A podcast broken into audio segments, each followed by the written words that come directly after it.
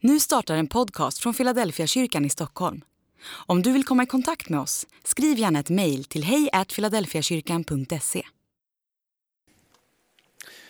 Jag ska tala om en eh, kristen självbild, självkänsla och ett kristet självförtroende. De här orden använder vi ju och ibland är de lite synonyma. Eh, och det finns säkert någon som har skrivit om hur man bör använda dem. Men bara för att du ska förstå hur de sitter ihop i mitt huvud när jag nu ska tala, så tänker jag att alla har vi ju en bild av oss själva. Vi skapar den om och om igen. Den där bilden vi har av oss själva, den väcker ju en känsla hos oss. Som i bästa fall är god och ibland lite bitter. Och den där bilden som ger en känsla skapar ju antingen ett förtroende eller en misstro. Så när jag tänker på de här begreppen så börjar jag i bilden. Vad är min bild av mig själv och vad ger det för känsla och vilken typ av tilltro ger det mig? Och alla vi, kanske mer än någon tidigare generation, håller ju på med de här frågorna. Vi är kanske mer självmedvetna och i värsta fall självupptagna än man har varit före oss. Men det är vad det är, så här ser världen ut för oss. Vi ser vad andra människor har för sig på Instagram eller sociala medier. Vi tittar på tv, vi får ständiga intryck som vi funderar på, speglar oss själva i. Borde jag vara sån? Ska jag se ut sån? Borde jag göra så? Det är självbilden. Och sen ur den föds ju någon form av känsla som vi också brottas med och emellanåt mår dåligt av. Och så leder det till tilltro, någon sorts självförtroende eller misstro mot mig själv. Kan ni se logiken? Bilden, känslan och förtroendet. Två söndagar nu tänker jag att jag ska tala om de här frågorna och så ska jag läsa ett bibelord ifrån Romarbrevet kapitel 8 och vers 15. Och det kommer att ligga här bakom mig sen. Romarbrevet kapitel 8 och vers 15. Ni har inte fått en ande som gör er till slavar så att ni måste leva i fruktan igen. Ni har fått en ande som ger söners rätt så att vi kan ropa Abba, fader. Här finns två bilder och två känslor. Det ena är bilden av en slav och det andra är bilden av en son eller ett barn. Två bilder som man skulle kunna titta sig själv i och fundera på, var är jag någonstans? Och till de bilderna finns två känslor. Den ena är rädsla. Och den andra är ju någon sorts glädje som leder till ett rop. Jag ska återkomma till det. Abba fader, vad betyder det där? Kan ni se det här? En, ett, två beskrivningar av hur man kan förstå sig själv, hur man kan se sig själv. Två känslor kopplade till de bilderna. Det här är vad jag tänker att jag ska tala om idag en liten stund. Den första bilden är ju bilden av en slav och det är väl bara att konstatera att vi alla är otroligt tacksamma att den institutionen inte längre finns, i alla fall inte i det offentliga livet. Vi vet ändå att det finns människor, även i vårt land, som lever under situationer som är slavliknande. Det första jag tänker på när jag hör ordet slav, det är en ofri människa. En människa som inte äger mandat över sitt eget liv. Någon annan styr mig helt och fullt. Men det finns ett litet annat perspektiv på det här som jag tror att man också ska ta in. Om vi backar till antiken, 2000 år när Paulus skriver den här texten, så var ju en slav en människa vars värde kom ur de förmågor man hade. Att vara slav, det var att vara arbetskraft. Det finns ju mängder av litteratur skriven om den typen av ekonomi, slavekonomi. Som bygger på att några människor gör arbetsuppgifter. Och då ska man också veta att slavar i antiken, det var ett brett spektrum av olika typer av kompetenser. Någon var jordbruksarbetare, gruvarbetare, de här allra smutsigaste och tyngsta jobben. Men andra hade en hög utbildning, kunde vara lärare, kunde förvalta ekonomi och ansvara för ett helt hushåll. Alltså en slav kunde ha en hög position eller befinna sig på botten. Men gemensamt för alla de som var slavar var att värdet man hade berodde på den kompetens man besatt. Vi är ju ganska många som har glasögon. Jag tänker ju att det är en fantastisk uppfinning, detta att jag numera har progressiva glasögon så jag kan ju fortfarande läsa fastän jag är närmar mig 60. Det är en hisnande tanke. Det, det bibeltolkare säger det att i antiken så var det en ganska så allmänt utbredd insikt att efter 40, då kunde man varken läsa eller skriva. Det fanns inga glasögon. Så ni vet när Paulus skriver sina brev eller när apostlarna skriver evangelierna, då är det med stor säkerhet så att de har haft en levande skrivmaskin bredvid sig. Som har skrivit det de har sagt. Och att sen kunna läsa texterna, det kunde man inte heller. Man behövde en levande läsmaskin bredvid sig som läste de här texterna. I regel var det slavar som hade den typen av uppgifter. Och så kunde man köpa då per timme en sån funktion. Vi behöver en skrivkunnig slav som gör detta. Och för slaven, bara tänk den tanken, så var ju den här gåvan värdefull tills ögonen började bli sämre. Den dag man förlorade sin synskärpa så hade man inte längre den rollen kvar och man var utbytbar. Den här bilden använder ju Paulus. Han talar ju om det som är, det är bildspråk. Han säger inte att vi är slavar, men att vi tolkar oss själva som om vi vore slavar. Den mentaliteten kryper in i vårt sinne. Det är det jag skulle bara vilja ta med dig och fundera över ett tag. Hur djupt in i din egen självbild har det här krupit? För att det har krupit in där, det är jag helt övertygad om. Det har nämligen krupit djupt in i mig. Jag är det jag kan. Och ni vet när man går i pension, jag har ju pratat med några av er, så inser jag att det är en stor tomhet som infinner sig. Därför att jag har ju varit det jag har gjort. Och sen är det ingen som vill ha mina tjänster längre. Eller också får man börja på seniorbyrån och jobba. Känner ni igen det här? Och det blir en stor och djup identitetskris. Inte bara det att man har en ocean av tid över, men vad är jag värd? När jag, när jag försöker se vad det är för bilder som vi bombarderas med i vårt samhälle idag, så är det två bilder som jag tycker mig se. Det ena är ju att jag är konsument. Ni vet, vi är alla konsumenter. Och vi är alla bombarderade av marknadsföring för olika saker och några av er jobbar ju med det. Gud välsigna er. Jag ska inte säga att det är ett dåligt arbete, det behövs. Människor har i alla tider handlat, köpt och sålt. Men det som händer i vår tid är att vår identitet blir konsumentens. Och vad betyder det? Jo men hela konsumtionen handlar ju om att jag saknar något. Det finns en brist. Och om jag köper något då kommer jag avhjälpa den bristen. Men att vara konsument är ju att hela tiden vilja ha något nytt, något jag saknar. Det är klart man ska handla när man behöver det. Men när det där kryper in i själva självbilden. Vem är jag? Ja, jag är den som ständigt saknar någonting. Om jag köper de kläderna, om jag gör den resan, om jag har den mobiltelefonen, den bilen eller en sån lägenhet. Det skulle nog göra susen i mitt liv. Jag tror att det är lögn.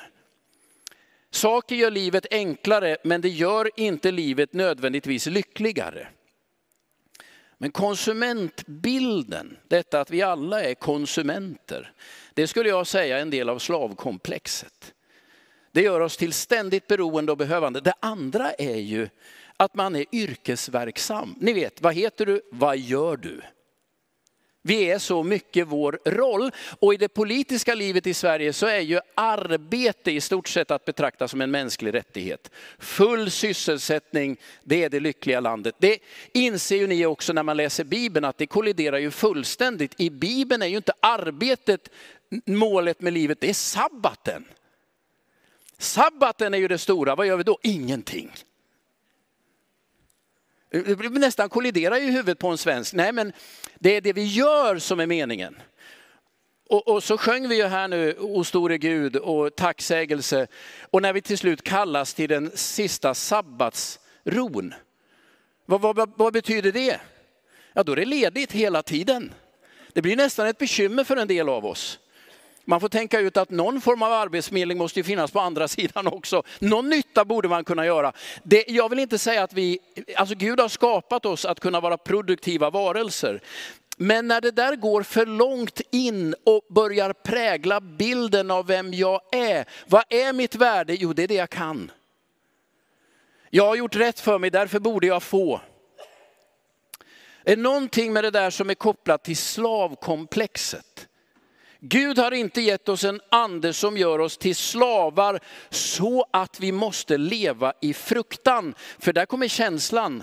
Om man nu hamnar i den här tanken att det är min förmåga att göra saker, köpa saker, att, att vara produktiv, det är det som ger mig mitt värde. Vad är den självklara eh, följden? Jo, det är rädslan. Vad händer när jag inte längre kan? Vad händer när jag inte längre orkar? Vad händer när jag inte längre har råd? Vad blir jag då?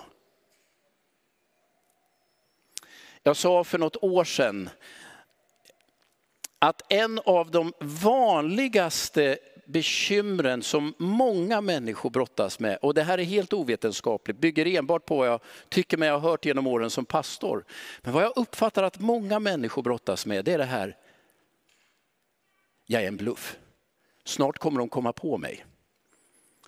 Nu finns det de som är en bluff, men det, det som är lite häpnadsväckande är att den här tanken finns hos så många människor och möjligen är det så att ju högre upp man kommer i samhällshierarkin, desto mer besvärande blir den där tanken.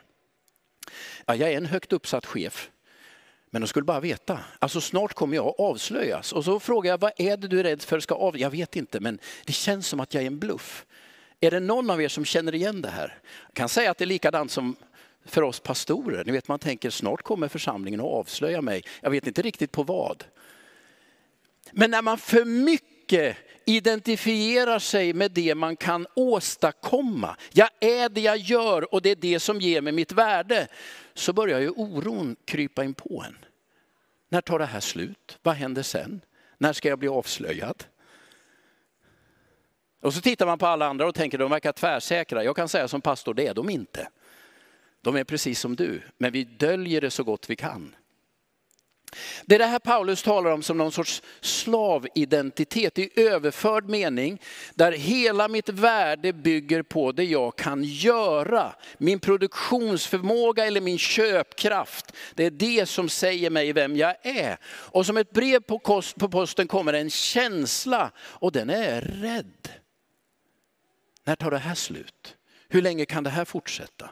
När kommer jag avslöjas? Och vad händer då? Alltså en självbild som har med sig en bestämd känsla av olust. Det kryper lite i kroppen. Fundera på om det är där du är. Det är ju det här Paulus talar om och jag menar att det är en tidlös beskrivning. När ni läser det här, eh, ni har inte fått en ande som gör er till slavar så att ni måste känna rädsla. Så är jag möjligen rädd att många av er tänker det där är religiöst språkbruk. Och det, den byrålådan tar man ut på söndagen, tittar man i den, sen stänger man i den och sen kommer veckan och så kör vi på igen. Det är det jag skulle vilja säga att du ska låta bli. Det här är, det här är ett sorts livsparadigm som Paulus talar om. Vem är du? Hur ser du på dig själv? Och hur känns det? Och vem blir du sen? Så det här handlar inte om, eh, om religiösa föreställningar, det här är själva grundbulten i, vem är jag? Ja, säger Paulus, du kan tänka att du är slav och då är man rätt rädd. För man vet att man är utbytbar och ersättningsbar, det är bara en tidsfråga. Och så har han en annan bild. Då säger han att, att vi är barn, eller söner, men jag tror man ska säga barn. Bara fundera på den saken, vad kostar det att bli barn hos någon? Vilken utbildning behöver man ha för att vara någons barn? Hur många språk bör man kunna för att vara barn? Och ni inser direkt det där, frågan är intressant men det finns ingen koppling till att vara barn. Barn är ju bara en kostnad. Och i värsta fall gör de ju ingenting. Det var någon som sa, vår tids ungdomar de är som Jesus, de är långhåriga, bor hemma när de, tills de fyller 30. Om de gör något får man betrakta det som ett mirakel. Nej, men, eh, förstår ni, det går inte att tala om barn i frågan om prissättning, inköp, utbildning, kompetens. Det är helt fel begrepp. Men i slavvärlden var det ju exakt det det handlar om. Vilken utbildning har den här personen? Vad är kostnaden för den här individen? Vad kan jag få ut av den? Vi lever ju i en, i en tid då det här med visioner, mål eh, och, och utvärdering är viktigt. Vi satt och samtalade om det i ett sammanhang och så kom vi in på det här med familj och så frågade jag, är det någon av er som har satt upp en målsättning med familjebildning? Okej, vad är vårt mål? Och alla tittar, nej, det hör inte hemma i den här sfären. Man kan möjligen planera en semester ihop, men det är ju inte så att man sätter upp mål och mäter av det och skriver en årsberättelse. Det är väl en del av er som gör det i de här julbreven. Lång historia, men, men Förstår ni skillnaden? Det är två helt olika sfärer och det är de här två sfärerna som Paulus talar om. Och han sätter dem emot vår identitet och relationen till Gud och säger att Gud har inte gjort oss till slavar så att vi ska vara rädda. Han har gjort oss till barn. Så att vi kan vara glada. Helena och jag har ju fyra barn ihop och vi har ju haft en del konflikter men ingen av oss har någon gång sagt att vi vill ta upp frågan om de verkligen är våra barn. Det gör man inte.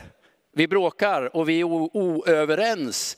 Men att på något sätt säga, ah, nu ska vi prata igenom det här, så jag undrar verkligen, är du mitt barn? Det, det finns en tydlig gräns, det kan man inte ens diskutera. Och ändå vet jag att många av er som har varit kristna hela livet, ni går och tänker att det är så Gud förhåller sig till mig. Han förhandlar om jag är hans barn eller inte. Och ett, ett ur tre säger han bara, nej det är du inte längre. Det är slav, det är slavmetaforen. En slav kan man sälja, när den inte duger längre byter man ut honom. Men ett barn går varken att köpa, sälja eller byta. Det kan vara ett riktigt olydigt barn. Jesus berättar ju en sån liknelse i Lukas 15.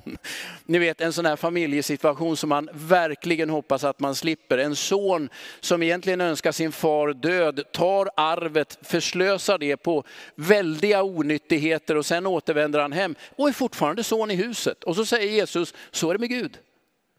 Alltså är du barn går det inte att förhandla. Man kan vara olydig, man kan vara osams och man kan ha vitt skilda uppfattningar. Men barn är barn, punkt slut. Det är det, det är det Paulus säger. Tron gör dig till barn hos Gud, inte slav i hans hus. Ja, men om man är olydig då? Ja, du är fortfarande son. Du är fortfarande dotter, men det är bekymmer. Förstår ni skillnaden? Jag, jag, frågade min son om jag fick berätta detta och det sa han att jag fick. Jag har varit i Afrika i tre veckor och hade ju egentligen inget nätverk. Men sista veckan hade jag lite kontakt med omvärlden och så kommer det ju ett eh, meddelande i Messenger. Jag ska på bröllop och behöver en kostym. Och då säger jag, du kan titta i min garderob, ta vad som helst. Det är inte alla papper som skulle säga det, men jag säger det. Du kan ta vad som helst. Och så kommer nästa meddelande, ingenting passar. Jag behöver köpa någonting. Ja, jag skriver ett långt meddelande om att du bör titta på ull, ullkvalitet, håller bättre, bomull blir... Ni vet, som far vill man ge sin son goda råd, han ska på bröllop, det är viktigt. Och så, eh, så talar jag också om vilka butiker han kan gå till, i vilken ordning och var han kan prova olika storlekar, kolla reor, ni vet allt detta. Så går det ett tag till och så, så säger han, jag har hittat en bläser. Ja men vad roligt säger jag. Sen går det ett tag till. Jag har inga pengar. Där slutar det. Jag fick säga detta. Och då, och då tänker jag, det är ju självklart, det är ju min son. Att vi hjälps åt att lösa detta så vi sponsrar honom. Bara så att ni vet det också. Och han var på bröllopet, blev väldigt stiligt. Å andra sidan, om han bara skulle höra av sig till mig när han behöver en kostym och aldrig annars, då skulle det också kännas ganska så besvärande. Och det är klart, våra kostymdiskussioner är ju inte det primära, det är ju andra frågor man egentligen vill prata om. Det är min son, det är vårt barn. Om Gud är din far, det är så Bibeln talar om det, det är så Jesus talar om det. Då vet du att du alltid kan be om lov. Jag säger ju inte till min son, ja, du vet, jag önskar att du vädjar till mig, helst tre timmar, du får gärna skrika och du bör göra det på ett visst bestämt sätt. Då kanske jag svarar. Det är bara en konstig tanke, men jag inser att det är så en och annan kristen har tänkt. Om, jag, om Gud ska höra mig, då vill det till att jag vrålar, och länge dessutom. Nej, men han vet ju vad du behöver redan innan du har bett honom om det, säger Jesus. Då är det en del som får bekymmer och säger, om han vet vad jag behöver innan jag ber honom om det, vad ska jag då be om? Ja, inte alltid om saker, men jag tror att om Gud är som en förälder så är det ju vad du har i ditt hjärta, vad du längtar efter, vilken sorts person du ska bli. Det är det Gud vill vara engagerad i. En kostym, ja men det kan vi lösa. Men vad drömmer du om? Det är det här bildspråket Paulus använder för att beskriva tron och den identitet som kommer ur tron. Och så säger han, så att vi kan ropa Abba fader. Det är ju arameiska, Nya Testamentet är skrivet på grekiska, men kvar finns då detta arameiska uttryck som förmodligen har hängt med för att det var så uppseendeväckande när Jesus sa det.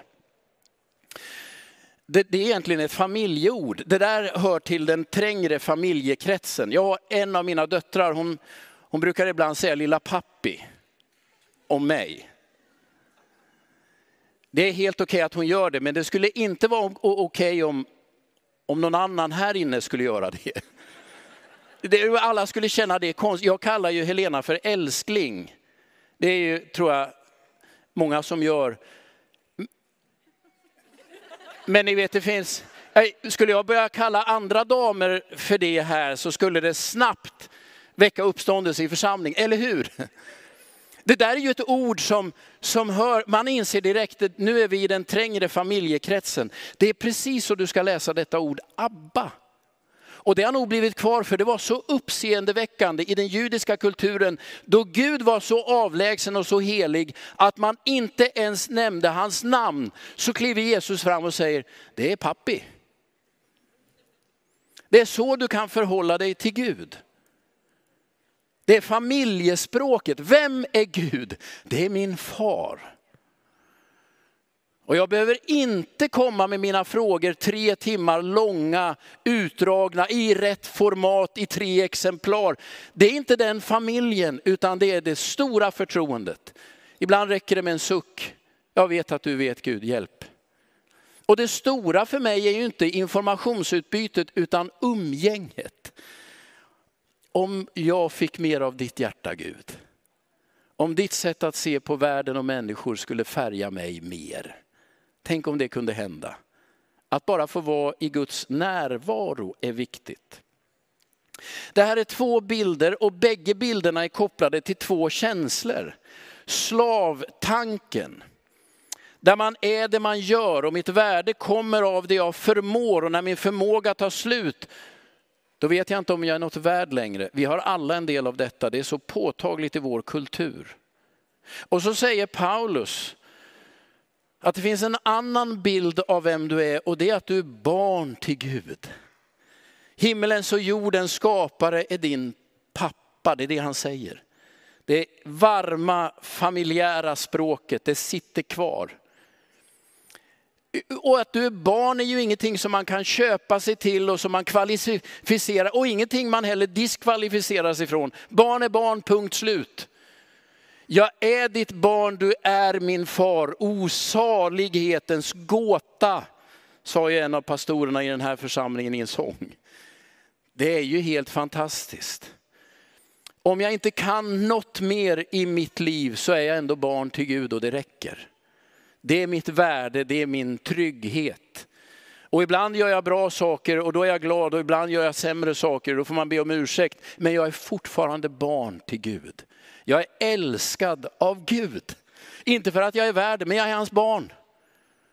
Jag vet alla mina bekymmer, Gud vet om ännu mer. Och ändå säger han, du kan kalla mig Abba far. Detta är grunden i min tro och det här är inte en låda jag drar ut på söndagen och tänker nu är jag här. Detta är hela den grund på vilket mitt liv vilar. Vem är jag? Vad duger jag till? Vad är mitt värde? Ja, det är grundat i att jag är barn till Gud. Punkt. Men slavtanken ligger där och skvalpar och den är så förknippad med olust, rädsla, kryper i kroppen. Hur länge håller det här? Men barn är ju bara glädje, tacksamhet. Vi har fyra barn, det har jag ju sagt, och ni vet ni som har barn att det finns väl inget som kostar en så mycket pengar och det verkar inte ta slut trots att de är vuxna.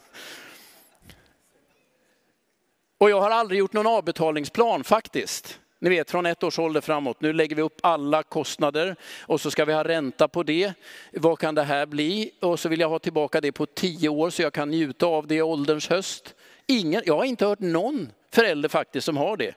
Utan man tänker tvärtom, det är det som är glädjen. Ja, kraften, vi har lite ekonomi, det är ju för att få ge det vidare. Det är lyckan i livet. Sån är Gud. Tänk om det kunde sjunka in i kroppen på oss. Sån är Gud, jag är barn till Gud. Det är mitt värde. Vad kan jag? Ja, en del, men det är inte det som är avgörande. Jag är barn i alla fall. Det är det här som är själva grunden. Vad är min självbild? Det är att jag är barn till Gud. Vad ger det för känsla? Stor tillfredsställelse och tacksamhet. Och sen leder det till ett visst mått av förtroende, men det kommer jag till nästa vecka. Den andra varianten det är ju att man hamnar i den här slavmentaliteten. Och den har en följeslagare som är rädsla. Och den tar aldrig slut. Och då skulle jag vilja säga till dig att frälsningen som vi beskriver det, att bli barn till Gud är en gåva av nåd. Det är inget du, du kan inte köpa detta. Vad kostar det att bli barn? Det, det funkar inte så. Du blir det genom att öppna din famn för Jesus Kristus. Resten gör han. Så enkelt är det. Och du kan göra det för första gången eller om igen. Jag omvänder mig ju kanske inte varje dag men åtminstone ett par gånger i veckan.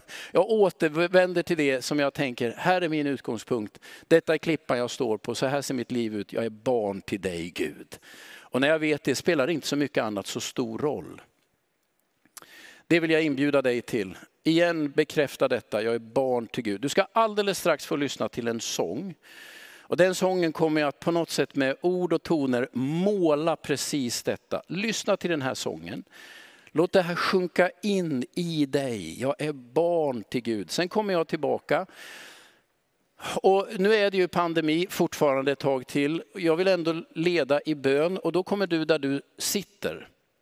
Om du vill att vi ska be för dig och ditt liv, din självbild och din självkänsla. Kommer du att få chans att bara lyfta din hand. Och så ska vi be att Gud visar nåd. Gud är en god far. Behöver inte vara orolig för det. Jag vet att många av er har lite tvetydiga erfarenheter av föräldraskapet. Men det som Bibeln beskriver är ju det entydigt goda. Gud är en far du kan lita på.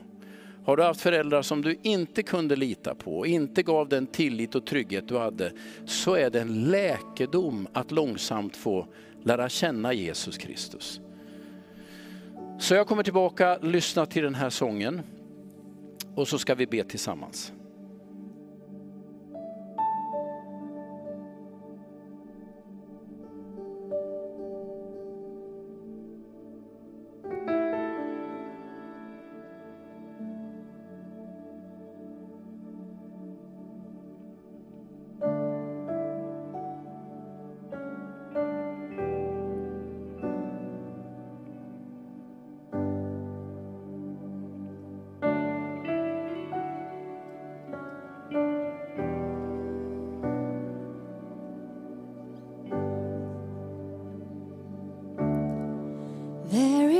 take.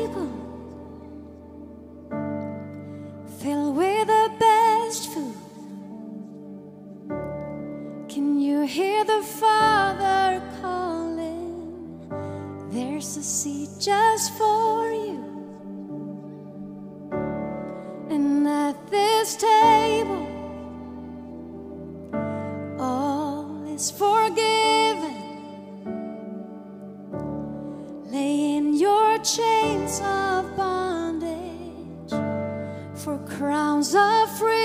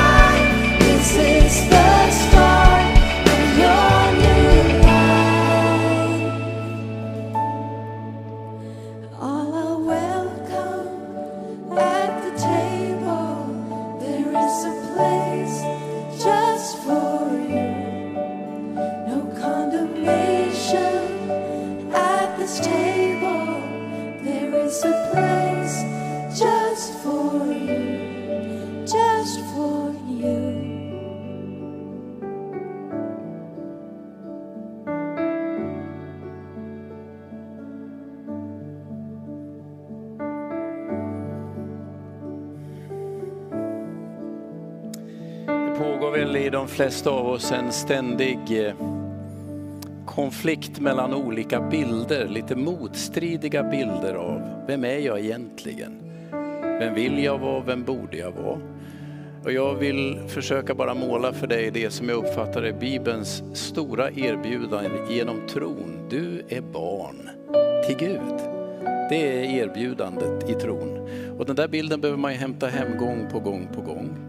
Den här slavmentaliteten den ligger i hela vår kultur. Du är nyttig för det du gör, lönearbetare, konsument, men det finns så tydliga risker kopplat till detta.